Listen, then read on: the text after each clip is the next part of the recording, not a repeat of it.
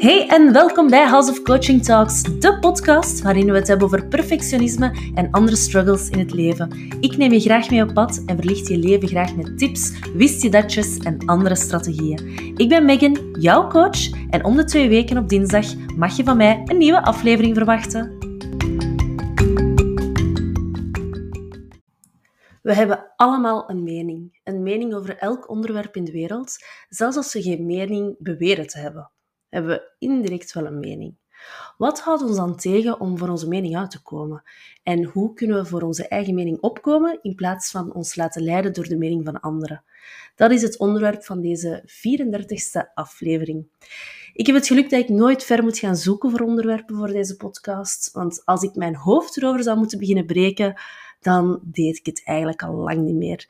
Nee, ik vind het juist leuk dat als ik een, op, of, of een aflevering ga opnemen, dat ik eigenlijk gewoon naar mijn coaches moet kijken. Dat ik eens kan kijken van, wat hebben zij te zeggen? Wat, wat leeft er onder, onder mijn coaches, onder mijn klanten? Want in mijn praktijk, bij House of Coaching, begeleid ik volwassenen die last hebben van perfectionisme. En uh, ook mensen die last, zitten, of, of last hebben of vastzitten in hun job. En heel vaak gaan die twee hand in hand, want perfectionisme is iets dat niet alleen thuis leeft of niet alleen op het werk. Nee, dat leeft overal. En als ik dus een aflevering maak, dan schieten de woorden van mijn coaches, van mijn klanten, uh, met te binnen. En dan moet ik niet meer verder gaan zoeken. Want waar zij mee struggelen, struggelen heel veel mensen. En ik neem er dan ook de onderwerpen uit die ik vaak hoor voorbij komen. En dat is ook waarom dat ik deze podcast maak. Um, vervangt zo'n podcast of zo'n aflevering één op één sessies? Zeker niet, maar het kan wel al een stepping stone zijn om uh, op je pad van, van zelfontwikkeling. En een van de onderwerpen waar veel van mijn klanten mee struggelen, is de mening van anderen. Waarom is het zo moeilijk om onze eigen mening over onze lippen te krijgen?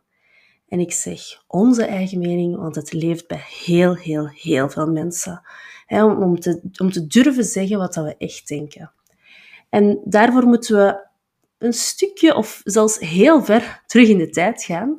Want onze voorouders, als we echt denken aan, aan de oertijd en, en aan die tijden, dat waren echte groepsmensen. Ze hadden ook geen keuze toen, want de groep die zorgde voor veiligheid. En een kuddegeest was enorm belangrijk om als soort te kunnen overleven, om je als groep te wapenen tegen de grote gevaren van buitenaf. En onze drang om erbij te horen en om deel uit te maken van een groep, dat zit er dus al die tijd al in, van toen al. En dat is natuurlijk iets moois. In groep zijn we tot grote dingen in staat, zelfs meer dan waar dat we op onszelf toe in staat zijn. Op resultaatsvlak dan. Maar we hebben ook de verbinding met andere mensen nodig. Het gevoel van gezien te zijn, van geliefd te zijn. En om die liefde te kunnen teruggeven. Verbondenheid met anderen is een basisbehoefte. Maar zoals dat dan met alles is, is er natuurlijk ook een keerzijde van de medaille. En dat is kwetsbaarheid in relatie tot een groep of in relatie tot een ander. Je kan het een beetje vergelijken met liefde in het algemeen. Liefde is iets heel mooi, het mooiste wat je eigenlijk kan meemaken, maar tegelijk ook het meest pijnlijke. Je kan zo floreren, zo gelukkig zijn met de liefde van je leven, maar als er dan met hem of haar iets ergs gebeurt, kan het de meest of de, de grootste, pijnlijkste situatie veroorzaken. Dus we nemen met andere woorden een heel groot risico om liefde toe te laten in ons leven. Maar we doen het toch omdat we zien wat het hier, of in het hier en in het nu, wat het brengt. En elk groot verlangen heeft zo zijn keerzijde. Een, een simpeler voorbeeld bijvoorbeeld marathonlopen. Als jij een groot verlangen hebt om op een dag een marathon te lopen, en je beeldt je al helemaal in, oh, ik loop daar over de finish, uh, dat gevoel, die euforie, de, de roepende mensen, de muziek, de trots, dat is fantastisch. Maar de keerzijde is dat je ook heel wat opofferingen zult moeten maken. Je kan niet alles eten en drinken wat je wilt. Je zult tijd moeten maken om te trainen. Tijd die je misschien eigenlijk niet hebt. Je zult afspraken met vrienden en familie moeten verschuiven. Je zult ook wel wat pijn lijden, hè, want een marathon lopen dat doe je natuurlijk niet op 1, 2, 3. Met andere woorden, aan elk verlangen zit een opoffering. En een opoffering, maar ook zelfs een angst. zoals bij de liefde, de angst voor liefdesverdriet als je partner er niet meer is. Maar we doen het toch. En elke keer opnieuw. We leren dus leven met die angst omdat we het hoger doel voor ogen hebben. Liefde voelen, die marathon lopen. En hetzelfde geldt voor de samenhorigheid van een groep. we willen ergens bij horen, we willen begrepen worden, we willen geliefd zijn, we willen gezien worden. Dan moeten we ook die angst overkomen of overkomen, overbij nemen en accepteren voor, voor wat het is, om potentieel ook niet door iedereen geliefd te willen zijn. Want dat is het, hè. Door je mening uit te spreken, ga je nu eenmaal polariseren. Er zijn altijd voor- en tegenstanders, net omdat we allemaal een mening hebben. Het sterkste voorbeeld hiervan hebben we gehad met de coronacrisis. De wereld is nooit zo verdeeld geweest als toen, of ja, als nu, want ja, we zitten er eigenlijk nog altijd een stukje in. Maar de meningen gaan alle kanten op. Er zijn voor- en tegenstanders voor elk idee en voor elke strategie. Maar gelukkig ook. Want anders zouden we ook maar een grote grijze massa zijn die onze hersenen gebruikt waarvoor dat ze dienen. En het is niet voor niks dat er een gekend gezegde is, hè, hoge bomen vangen veel wind. Wie, wie, zich in het oog van, van het publiek begeeft of, of uitspreekt over iets, ja, die krijgt ofwel veel lof, ofwel heel veel kritiek. En hoe meer dat je in het oog springt, of hoe hoger dat je aan de top bent, hoe meer lof of kritiek dat je krijgt. En het ding is, als grijze massa overleeft een volk niet. Wij als mens zouden het niet overleven als er niemand een stem zou hebben. Door ons uit te spreken maken we nu eenmaal groepen. We komen in contact met gelijkgestemden. En zij die het niet eens zijn, die vormen hun eigen groep. Dus je kan onmogelijk goed doen voor iedereen. En dat geldt op elk niveau. Er zal altijd iemand een andere mening hebben. Dus is het toch beter om, ondanks alles, je toch uit te spreken. En je focus te leggen op de mensen die het wel met je eens zijn, in plaats van zij die een andere mening hebben of potentieel een andere mening zouden kunnen hebben. En ik merk dat als een coach hierop vastloopt, um, dus voor het durven opkomen voor de eigen mening, um, of als ik dat merk, dan stel ik vaak de vraag van oké, maar heb je dat bij mensen die dicht bij jou staan of ver weg van jou staan? En die vraag kun je jezelf nu ook stellen als, als je aan het luisteren bent. bij wie heb jij het moeilijk om je mening te uiten? Is dat bij de naaste familie of de vrienden? En daarmee bedoel ik een mening uiten waarvan dat je weet dat je vrienden en familie een andere mening hebben. Of heb je dat meer bij onbekenden? Bijvoorbeeld bij de kapper niet durven zeggen dat je eigenlijk niet tevreden bent. Of misschien slik je wel je woorden bij iedereen een beetje in, zowel bij mensen die naast je staan of dicht bij jou staan, als mensen die wat verder staan.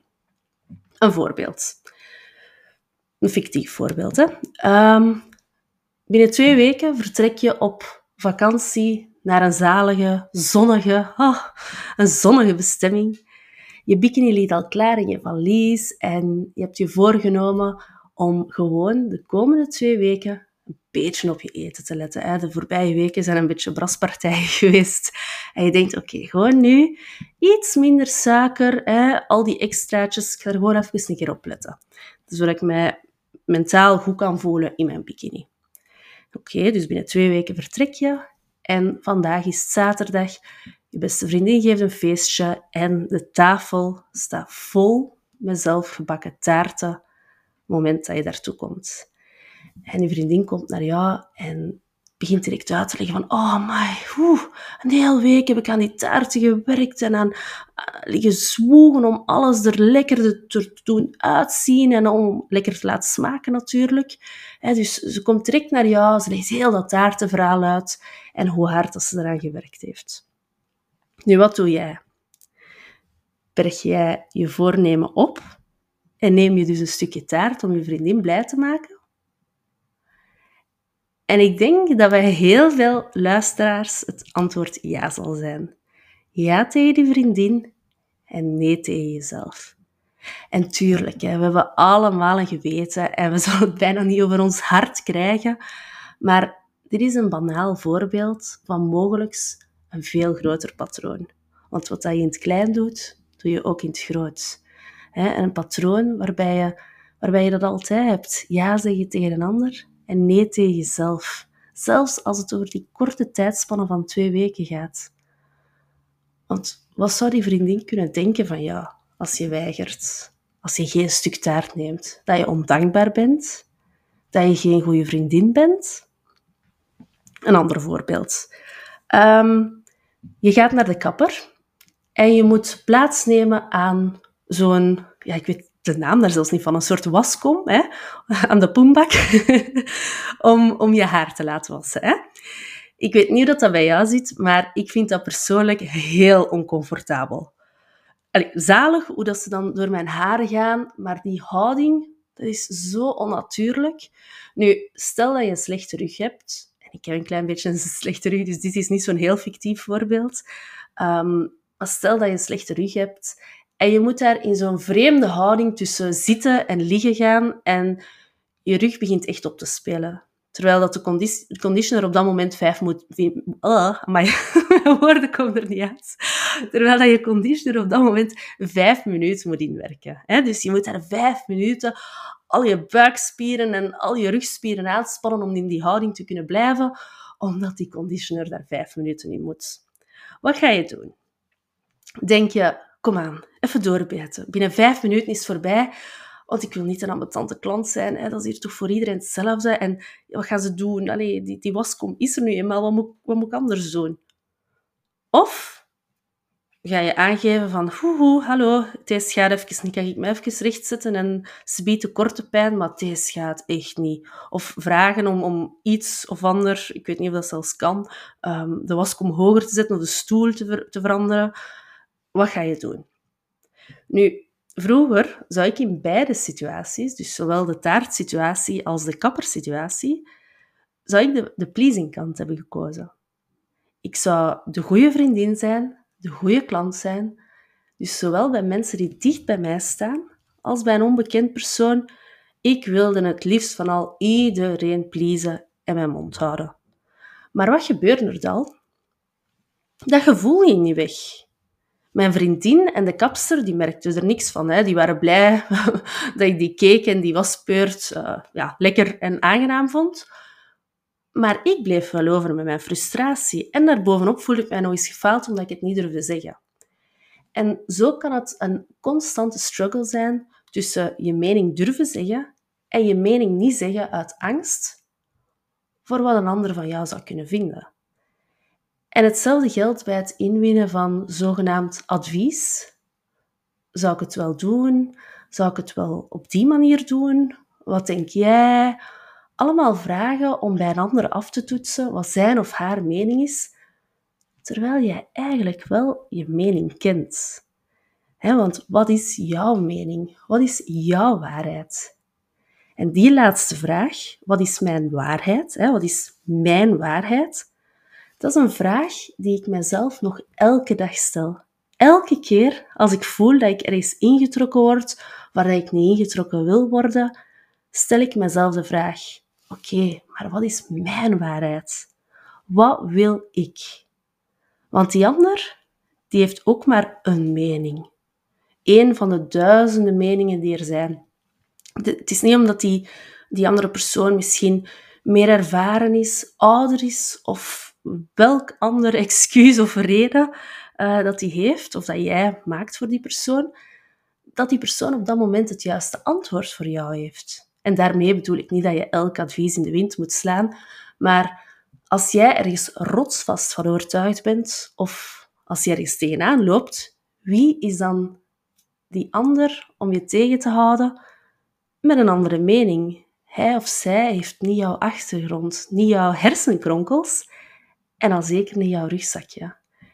En daarmee wil ik ook deze aflevering afsluiten. Het is een, een kleine tip, een simpele tip, maar ook een gouden tip. Gewoon de vraag, wat is mijn waarheid?